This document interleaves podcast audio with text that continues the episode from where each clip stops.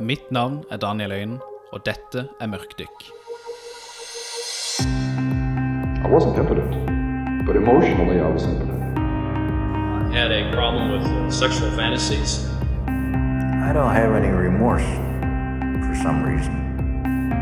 We are all evil in some form or another, are we not? Jeg anerkjenner ikke norsk rett. When you look at me, you know what hate is. But I don't know what love is. I'm two different people, basically. And they said they had it right. Serial killer, killer, killer, killer, killer. Hallo, alle sammen, og velkommen til episode to av Mørkdykk. I forrige episode tok vi for oss massemorderen Charles Whitman. Jeg opplevde det som en noe trygg og komfortabel start på Mørkdykk. Hendelsene i forrige episode skjedde på 60-tallet i USA, og er dermed ganske fjernt fra min virkelighet, i hvert fall. I dagens episode så har jeg ingen trygghet og ingen komfortabel avstand å hvile meg på. Denne saken skjedde nemlig helt i slutten av desember 2017 her i Norge. Jeg har tenkt mye på hvordan jeg skulle nærme meg denne saken. Sårene har ikke grodd, det er barn som er pårørende og tett på, det er spesielt stygge og ubehagelige opplysninger, og det er vanskelig å finne en riktig måte å gjøre dette på. Med tanke på disse omstendighetene så ønsker jeg først og fremst å anerkjenne de etterlattes smerte. Jeg kan ikke på noe som helst vis se for meg åssen det har vært å være tett på denne saken. Jeg vil gjøre mitt beste for å dekke denne saken på en respektfull og skikkelig måte. I tillegg så kommer jeg til å være spesielt forsiktig med egne spekulasjoner og, og teorier mot slutten av episoden. Opplysningene jeg bruker i denne episoden er allment kjent og har alle vært framme i media. Med disse omstendighetene tydelig framme og kommentert, så tror jeg vi er klare til å dekke drapet på Janne Jämtland. Vi begynner denne saken stående på en smal bilbro i Våler kommune i Hedmark. Navnet på broa er Eid bru. Broa gjør det mulig for biler å krysse Glomma som renner under. Elva er brei, og det ser ut til å være mange potensielle badeplasser langs elvebredden. Et par hundre meter nedstrøms fra broa er det et lite stryk før elva roer seg ned igjen. Det er under denne helt ordinære og intetsigende broa at det blir gjort et spesielt grufullt funn på 2,5 meters dyp 13. januar 2018. En naken kvinnekropp pakka inn i plastikk og vekta ned med et 40 kilos traktorbatteri blir funnet her. Den døde kroppen har i tillegg en skuddskade i panna. Den døde personen viser seg å være 36 år gamle Janne Jämtland, som har vært savna i 14 dager. Det er tips fra ektemannen Svein Jämtland som har gjort at politiet har funnet henne akkurat her. Og med det begynner en kompleks sak med mange ubehagelige detaljer og underlige vridninger og vendinger. Janne Jämtland beskrives av sin bror Terje som en tøff dame med en vanskelig bakgrunn. Det beskrives at Janne måtte krige seg fram. Bare tre år gammel mister hun sin mor. Faren er ufør nesten hele sitt liv, og hun vokser opp med tre brødre. Hun er den yngste i søskenflokken, og så vidt jeg klarer å forstå her, så var det ikke nødvendigvis spesielt god kontakt mellom søsknene. Disse omstendighetene gjør at hun må være tøff. Hun må stake ut sin egen vei og finne sin egen sti her i livet. Broren beskriver at hun ble usikker. Hun var usikker på sin plass og sin rolle og sin identitet. Han trodde det var ekstra vanskelig for Janne å vokse opp uten en kvinnelig rollemodell, siden hun ikke hadde en mor. Til tross for dette overvinner Janne utfordringene og hindringene i sitt liv. Hun går på skole og får seg etter hvert òg jobb. Som broren sier, så blir hun etter hvert en utrolig god dame. Som et ledd i livets mange tilfeldigheter treffer etter hvert Janne en ti år eldre mann som hun forelsker seg og gifter seg med. Dette er Svein Jämtland, som jobber som soldat i den franske fremmedlegionen.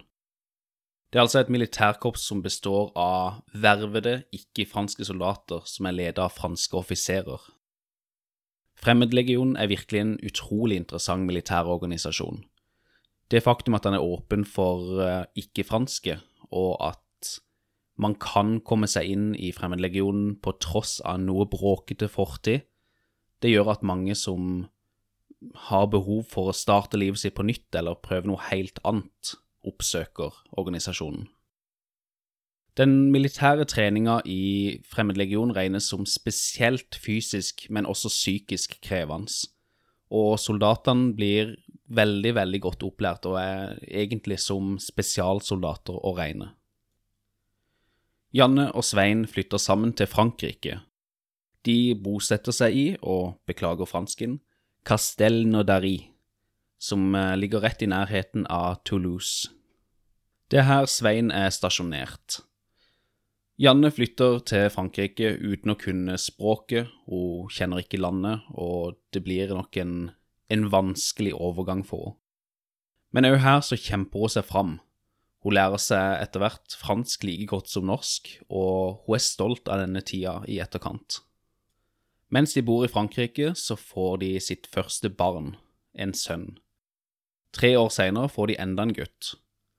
Og Janne måtte sjøl finne ut av hvordan hun ville være som mor, i og med at hun ikke hadde vokst opp med mor sjøl.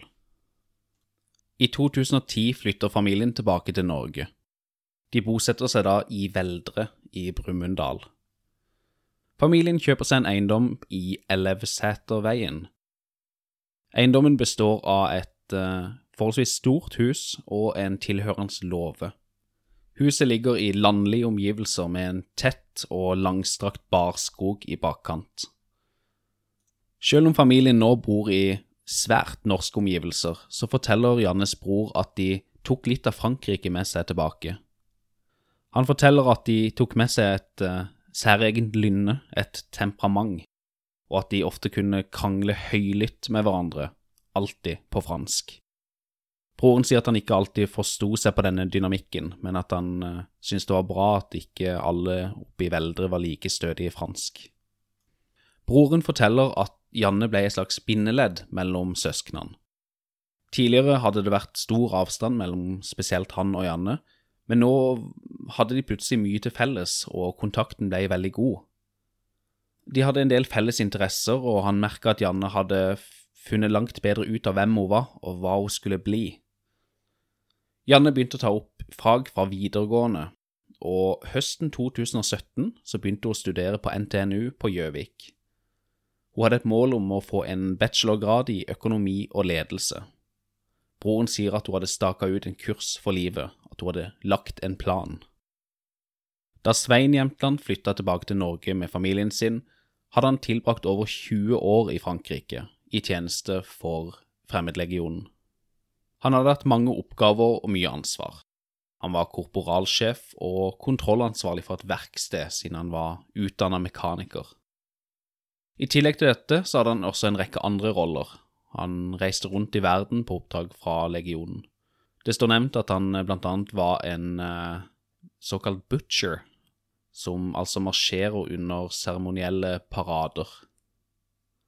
Svein hadde planlagt å pensjonere seg fra militærtjenesten når han fylte 40. Han ville gjøre dette for å fokusere mer på familien. Han uh, sier så at uh, du skal ha et liv etterpå også, sette familien først og høre mer på kona. Jeg kan ikke tenke meg noe annet enn at overgangen fra det militære livet i eh, Fremmedlegionen og over til bygda i Norge må ha vært stor. Svein melder seg inn i motorsykkelklubben Veterans MC Norway, som altså er en MC-klubb for krigsveteraner. Dette har han som hobby og fritidsaktivitet. I tillegg starter han sitt eget private barnevernsselskap på familiens eiendom. Dette heter Smedbakken Tunet. Jeg har ikke klart å finne noen umiddelbart tilgjengelig informasjon om åssen driften har vært her, eller konkret hvilken type barnevernsinstitusjon det har vært. Svein hadde i tillegg ambisjoner om å bli barnevernspedagog. Gjennom ei venninne får han skaffa seg en praksisplass i barnevernstjenesten. Og med det ser det ut til at familien er forholdsvis godt på plass i Norge. Både Janne og Svein har ambisjoner for hvordan de vil utvikle seg og hva de vil bruke livet til i tida framover. På overflaten kan det nok virke som alt er greit med paret. Broren har riktignok nevnt eh, høylytte konflikter på fransk, mens andre venner sier at man kunne tilbringe en hel kveld sammen med Svein og Janne uten å ane at noe var galt. Spesielt Svein var flink til å opprettholde fasaden. I 2015 betror Janne seg til sin nærmeste venninne. Hun sier at forholdet er anspent, at det er vanskelig i hjemmet. Hun har begynt å legge planer om skilsmisse, og begynt å sette av penger for å kunne gjennomføre dette her på en god måte. Janne bruker lang tid på denne planlegginga, og sier at det må skje til riktig tid. Det viser seg at Janne er redd for åssen ektemannen kan komme til å reagere hvis hun bare tar med seg barna og forlater han.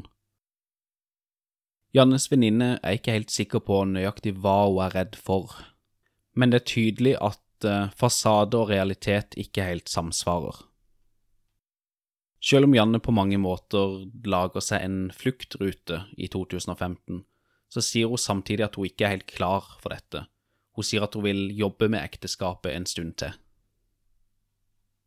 I desember 2017 forstår Jannes bestevenninne at skilsmisse nå kan bli et faktum. 9. desember sier Janne krystallklart at hun ikke har følelser for Svein lenger, og at hun vil skilles. Ifølge Jannes bestevenninne så tar Svein dette her svært dårlig. Han truer med å skade seg sjøl hvis Janne går fra han. Han skal ha vært svært fortvila, men hun har ikke hørt om voldsepisoder i hjemmet. Janne har planlagt å ta ut skilsmisse på nyåret. Hun har gått og venta på et vedtak fra Nav som skal gi henne økonomisk mulighet til å gå fra Svein. Dette vedtaket kommer på plass 20. desember. Vi er nå på vei inn i de siste dagene i Jannes liv. 28. desember 2017, altså fjerde juledag, drar Janne Jämtland og Svein Jämtland på den tradisjonelle romjulsfesten på Veldrom som er et forsamlingslokale ikke langt fra parets hjem. De kjører først sammen til et vorspiel i nærheten. Det meldes om god stemning på vorspielet. Det bemerkes at Janne er i et spesielt godt humør. Det fins en rekke vitneforklaringer fra festen på forsamlingslokalet senere på kvelden. Svein sender ut en Snapchat-video som viser allsang og god stemning. Denne sender han blant annet til sin kone. Venner som ikke hadde truffet Janne på lang tid, sier at de oppfatta henne som veldig glad og fornøyd, og at hun hadde utvikla seg og blomstra. Både Janne og Svein beskrives som tydelig alkoholpåvirka, men ikke overstadig berusa. På slutten av festen så er det flere av deltakerne som legger merke til et slags stemningsskifte hos Svein. Han eh, blir mørk i blikket og ber om å få snakke med en venn om noe. Det kan virke som Svein har prata med flere personer mot slutten av kvelden. En av disse sier at Svein var oppgitt og frustrert, litt sint og full. På et tidspunkt i løpet av kvelden blir det slengt en eh, slengbemerkning om handikap. Svein blir tydelig irritert av dette. Dette blir senere satt i kontekst av at Svein har en beinskade, og at han har eh, gått med stokk i en periode. På slutten av kvelden, sannsynligvis etter at Svein har vist en atferdsendring, tar han kontakt med venninna som tidligere har fiksa en praksisplass for han i barnevernet. Venninna her forteller at han er opprørt, emosjonell, og at han gråter. Han takker henne for å ha ordna denne praksisplassen i barnevernet, og håper ikke det medførte noe ubehag for henne. Hun har aldri sett han gråte før. Klokka halv to på natta forlater Svein og Janne festlokalene. De blir henta i en taxi og sluppet av på gårdsplassen hjemme i Ellefseterveien ca. ti minutter seinere. Taxisjåføren blir den siste som ser Janne Jemtland i live. Det er kun Svein som vet nøyaktig hva som skjedde med Janne fra de gikk ut av taxien sammen til hun ble funnet død i Glomma. Hans forklaring har endra seg svært mye over tid, og kan ikke ses på som gjennomgående pålitelig. Ved hjelp av de korreksjonene vi får av tekniske bevis og god etterforsking, så tror jeg likevel vi kan få en viss idé om hva som foregikk og åssen det skjedde. Når paret kommer hjem til huset, så er den eldste sønnen hjemme. Han skulle være hjemme alene mens de var på fest, og han ender dessverre opp som et veldig viktig vitne i denne saken. Ifølge Svein så oppstår det en krangel mellom han og Janne. Krangelen skal bunne i at Svein har oppretta en Tinder-konto fordi at han var nysgjerrig på hvordan datingappen fungerte. Kona har oppdaga dette og ser på det som et stort svik. I tillegg skal hun være sint fordi at han ble full på festen de nettopp var på. Sveins videre forklaring er at krangelen fulgte paret inn på soverommet, og at han aldri har sett Janne så sint før. På et tidligere tidspunkt så har Svein skaffa seg et våpen. Han har eh, gjennom ukjente kanaler skaffa seg en eh, 9 mm Makarov, en østeuropeisk eh, liten pistol. På et tidligere tidspunkt så har han vist denne pistolen fram til en nabo og vært veldig stolt over å ha klart å skaffe han. Svein har sagt at eh, pistolen ikke kan spores, og at han heller ikke er registrert. Naboen spurte han da om løpet er glattbåra, altså at det ikke har riller som vil avsette et spor på kula, og Svein hadde da blitt anspent og ikke hatt lyst til å prate mer om saken. Ifølge Svein så har han skaffa seg denne pistolen til selvforsvar, og akkurat denne natta ligger angivelig denne pistolen ladd og klar til å skyte i nattbordskuffa på parets soverom. Svein sier senere at denne pistolen tilhørte Janne, noe som har virka svært usannsynlig fra alle hold. Denne natta, midt i konflikten på soverommet, så tar angivelig Janne fram denne pistolen og begynner å true Svein. I et basketak forflytter paret seg ut fra soverommet, ned trappa og ut inngangsdøra. Dette basketaket mellom Svein og Janne er gjenstand for flere tolkninger. Svein forklarer og rekonstruerer senere at kona dytter han ned trappa. I fallet tok han tak i beinet til kona og dro hun med seg i fallet. Han sier at han sklei ned hele trappa. Svein sier at kona roper to ganger 'slipp meg, slipp meg' når han tar tak i beina sitt og drar henne med ned trappa.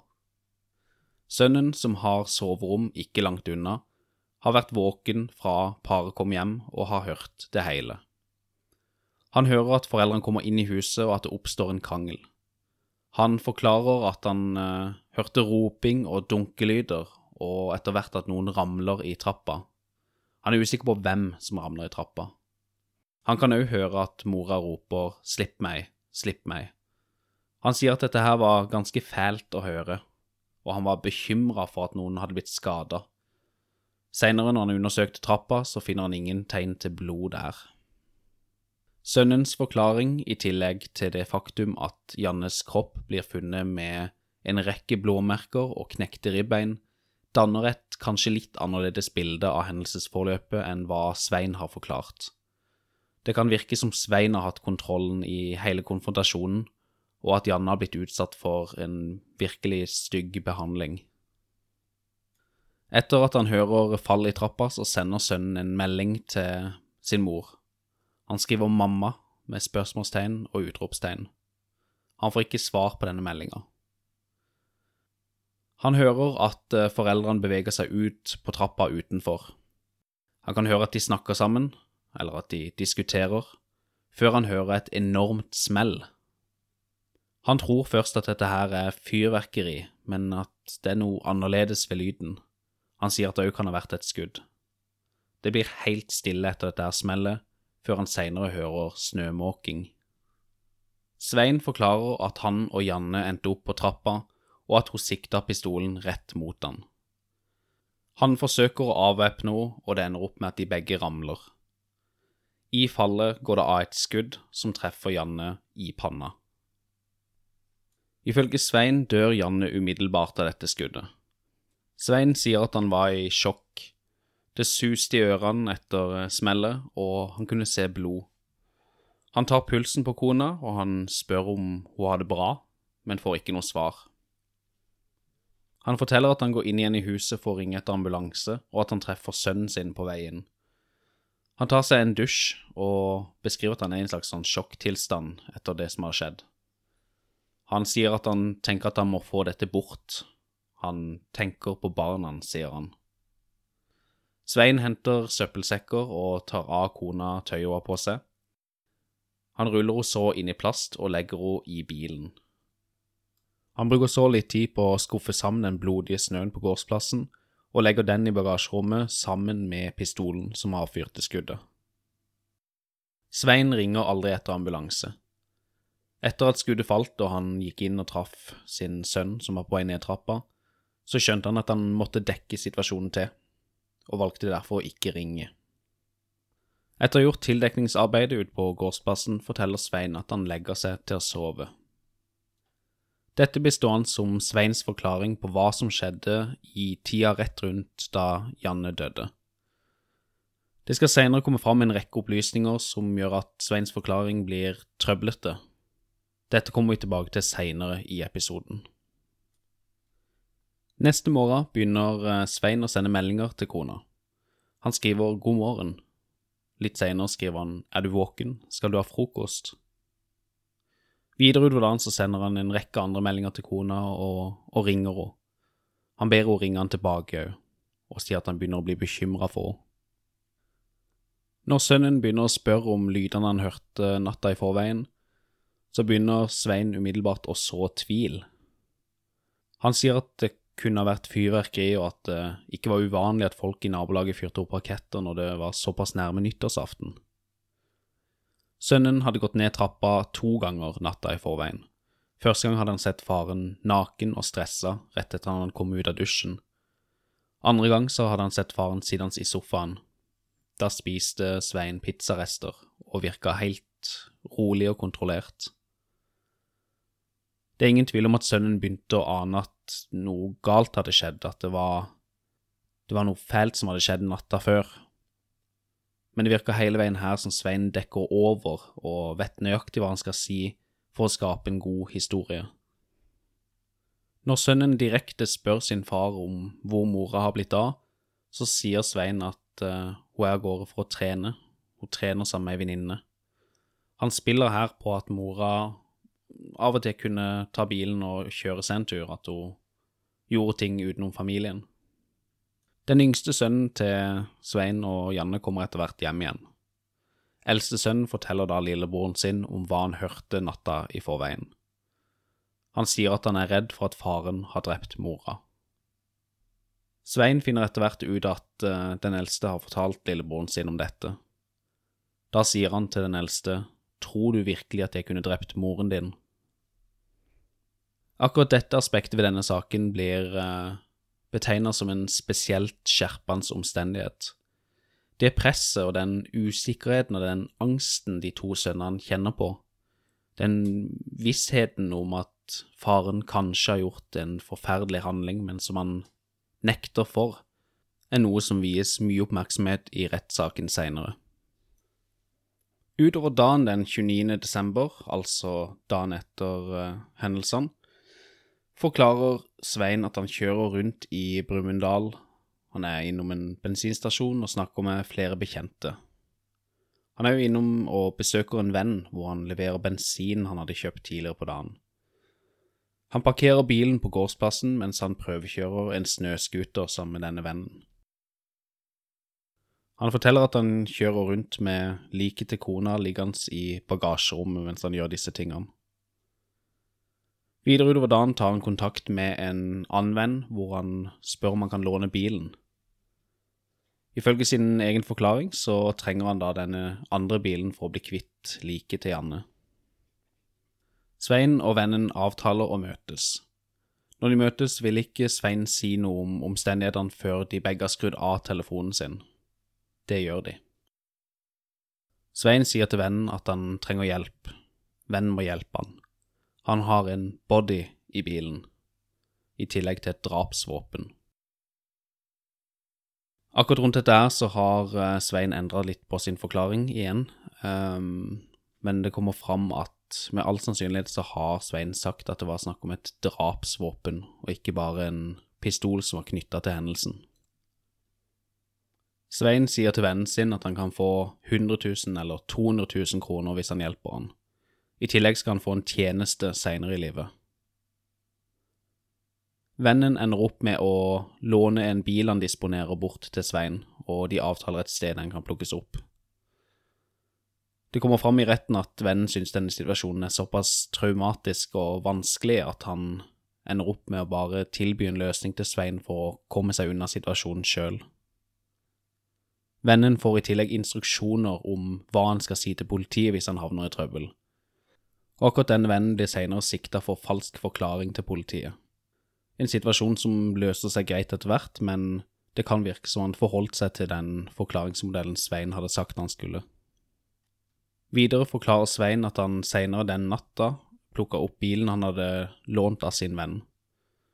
Han overførte liket til sin kone fra sin egen bil over i denne lånte bilen, og kjørte så til Eid bru i Våler, hvor han da dumpa sin døde kone i Glomma. Samtidig som disse tingene skjer, så fortsetter Svein å både ringe Jannes mobil og sende meldinger hvor han melder sin bekymring. På morgenen 30. desember, en lørdag, tar Svein Jämtland kontakt med politiet for å melde Janne savna. Han formidler ikke spesielt mye bekymring, og det virker ikke som situasjonen er akutt, og det blir ikke iverksatt noen leteaksjon akkurat den dagen. Dagen etter, på nyttårsaften, ringer Svein til politistasjonen igjen. Han sier at hun fortsatt ikke har kommet til rette, og det blir satt i gang en leteaksjon. På grunn av tungt snøvær så kan ikke den aksjonen fortsette over særlig lang tid. 2. januar 2018 blir Janne Jämtlands identitet frigitt etter flere dager med søk uten resultat. Bildet av Janne Jämtland topper riksmediene, og saken genererer stor interesse. Politiet avhører venner og familie. De går i tillegg ut med beskjed direkte til Janne om å ta kontakt hvis hun får med seg at det er en leteaksjon på gang etter henne. 4. januar blir det funnet blodspor i en grøft omtrent ei mil fra Jannes hjem. Dagen etter holder politiet en pressekonferanse der de forteller om dette blodfunnet. De kan bekrefte at det stammer fra Janne Jämtland. Saken endrer med det status fra å være en forsvinningssak til å være en kriminalsak. En tidlig teori her er at Janne kan ha blitt påkjørt, men at hun ennå kan være i live. 7. januar blir et nytt blodspor funnet.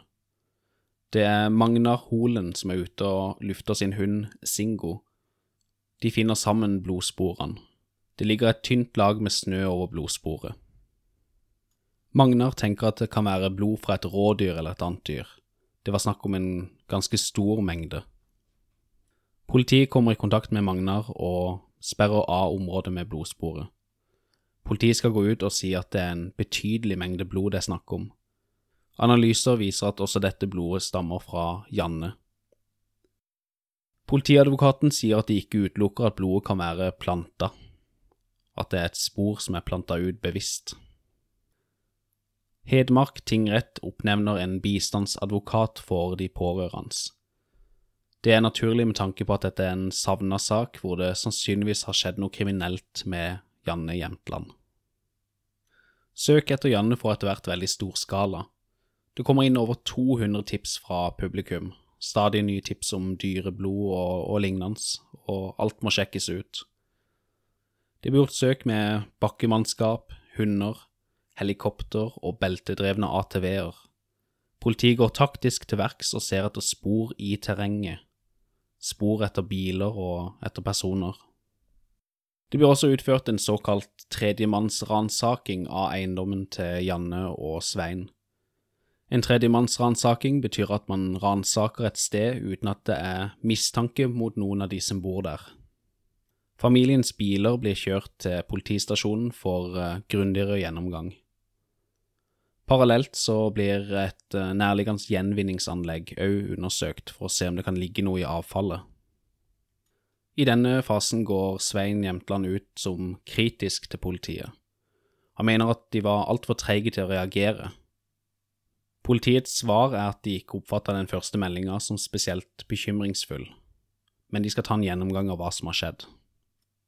På kvelden 12. januar, etter at familiens biler er henta inn, og etter at det er gjort en tredjemannsransakelse på eiendommen, blir Svein Jämtland sikta for drap på Janne Jämtland.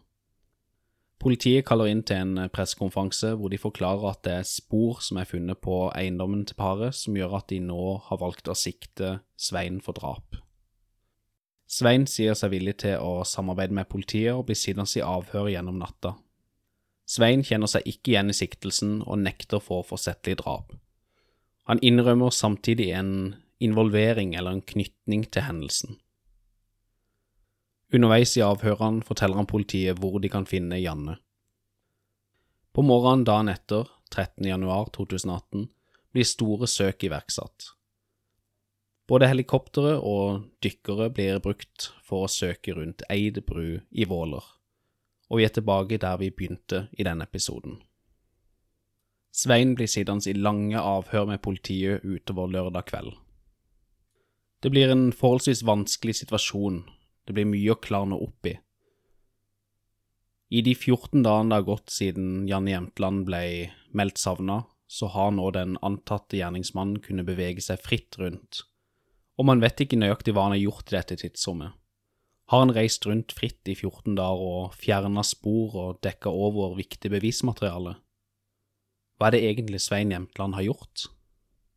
Svein blir først varetektsfengsla i fire uker med full isolasjon de to første. Parallelt med dette så har nå de to sønnene til paret på mange måter opplevd å miste begge foreldrene sine. Sønnene følges dermed opp av barnevernet i kommunen og får oppnevnt en egen bistandsadvokat som skal være et bindeledd mellom politi og familie på vegne av barna. Sønnene får også inn andre omsorgspersoner som skal ivareta de tida framover. Jannes bror, Terje Opheim, går òg ut i media på dette tidspunktet. Han har bodd under samme tak som Svein og de to guttene i den tida hvor Janne har vært savna. Underveis i saken så har han vært familiens ansikt utad.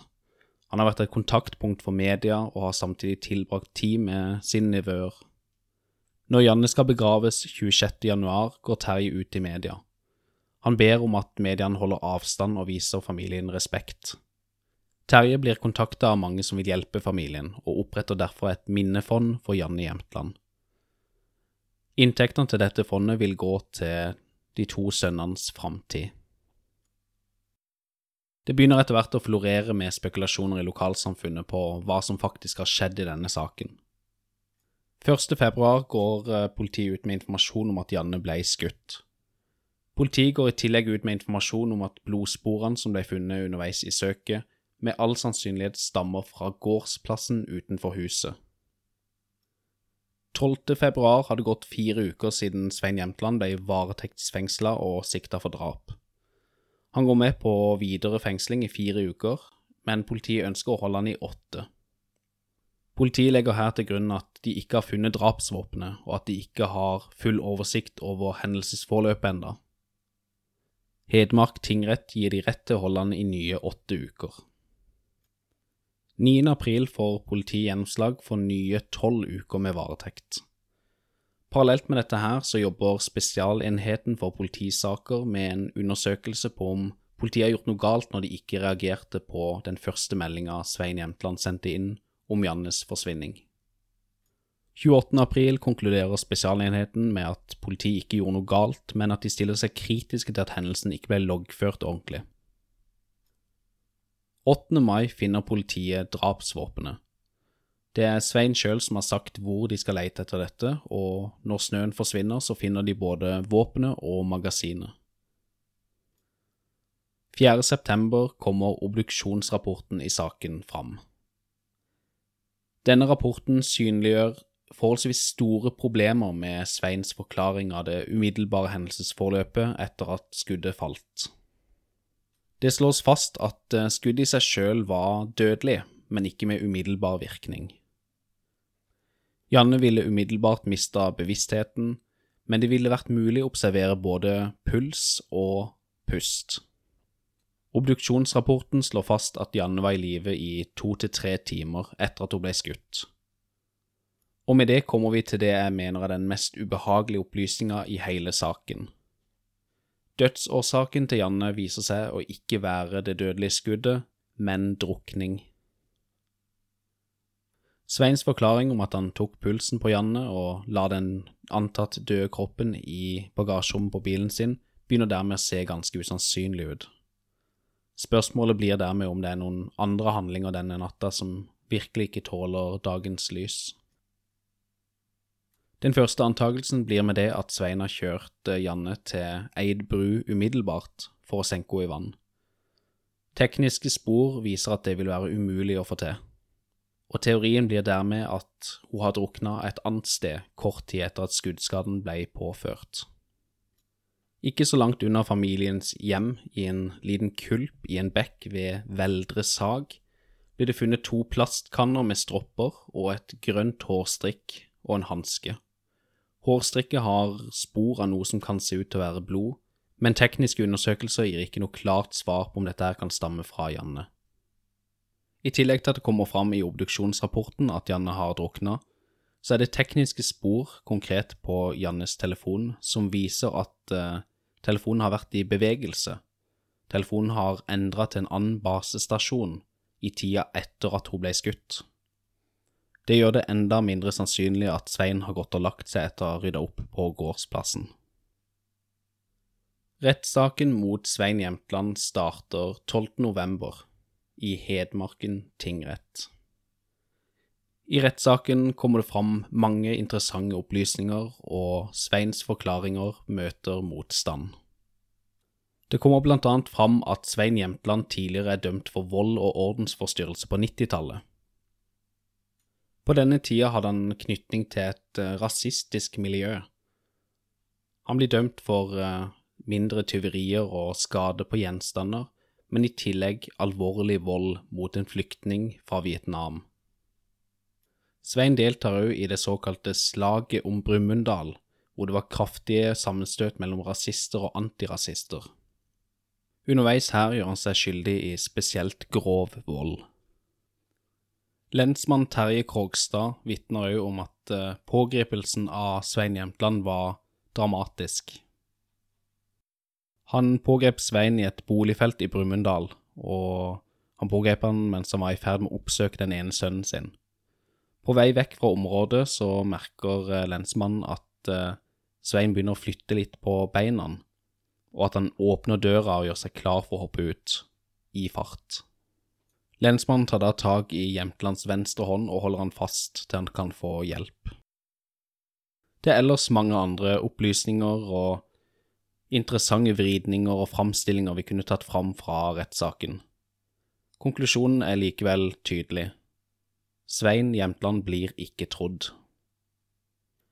Retten mener at drapet på Janne Jämtland framstår som en henrettelse utført av en kald og kalkulerende drapsmann, og Svein Jämtland dømmes til 18 års fengsel for drapet. Han dømmes også til å betale 400 000 kroner i erstatning til hver av sønnene, og han fradømmes retten til å arve etter kona. Svein sier seg uenig i dommen og anker på stedet. 17.6.2019 starter ankesaken i Eidsiverting lagmannsrett. 5.7 faller dommen i ankesaken, og Svein får ett års mildere straff. Jeg skal her lese opp et utdrag fra dommen som er lagt fram på NRK, for å gi en ryddig avslutning på hvordan saken betraktes.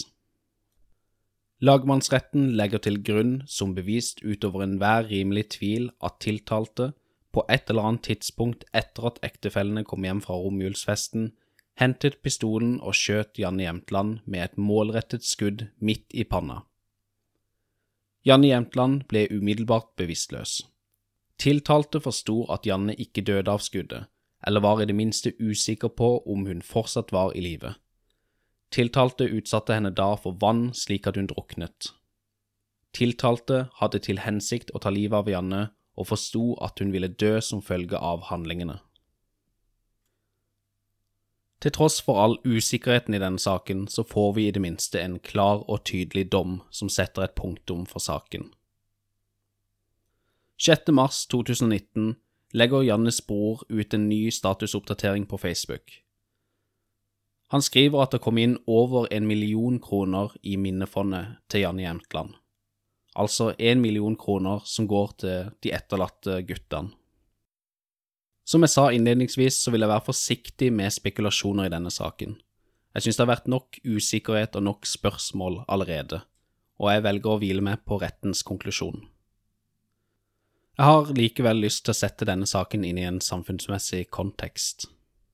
Ifølge Nasjonalt kunnskapssenter om vold og traumatisk stress opplever omtrent 17% både kvinner og menn vold fra samlivspartner.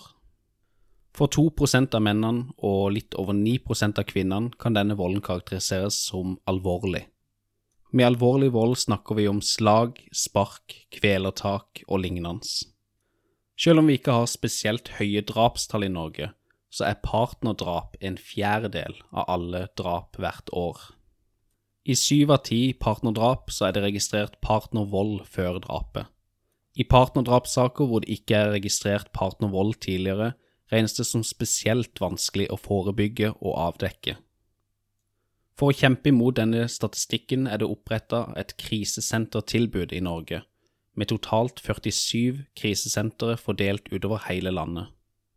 Krisesentertilbudet har særlig kompetanse på å gi beskyttelse, sikkerhet, råd og veiledning til kvinner, menn og barn som blir utsatt for vold i nære relasjoner.